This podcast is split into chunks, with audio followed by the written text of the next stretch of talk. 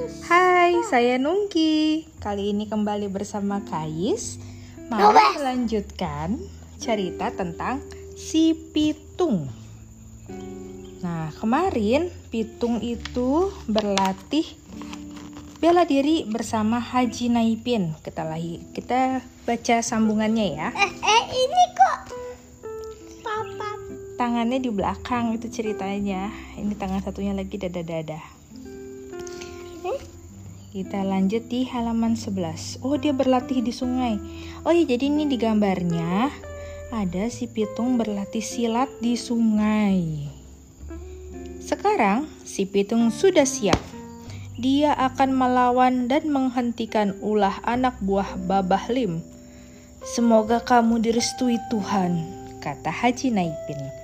Doakan aku agar aku berhasil ya. ya Pitung mencium tangan Haji Naipin.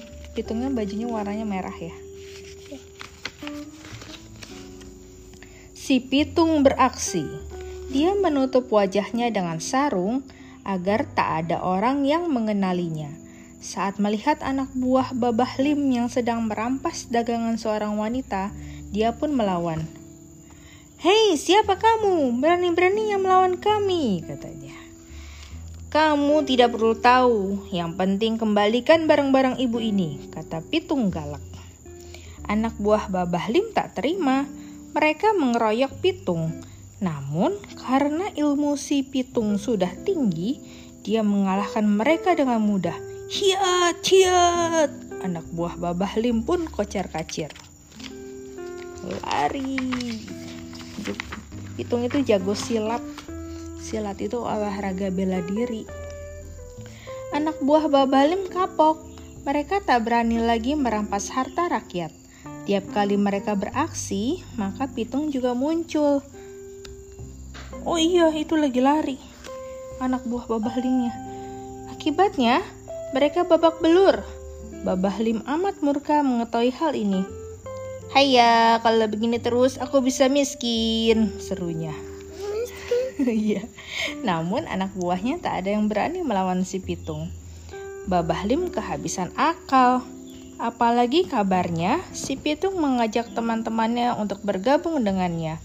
Mereka mengambil lagi apa yang pernah Babah Lim curi dari rakyat. Kamu, kamu maling ya! Teriak Babah Lim pada si Pitung. Iya, si Pitung mengibaskan tangannya. Bukan, aku hanya mengambil apa yang dulu kamu curi dari kami. Oh, diambil semua harta-hartanya Babah Lim. Balim siapa Babah Lim ini tadi. papa Lim Iya. Si Pitung mengembalikan hasil rampasan Babah Lim pada rakyat. Kini keadaan desa jadi tentram. Para penduduk memanggil si Pitung dengan sebutan perampok yang baik hati. Oh, itu ceritanya dia orang Belanda. Orang Belanda hidungnya besar. Kulitnya warnanya pucat. Iya. ini Namun, Babah Lim tak tinggal diam. Dia melapor pada pimpinan pasukan Belanda. Namanya Scott Heine.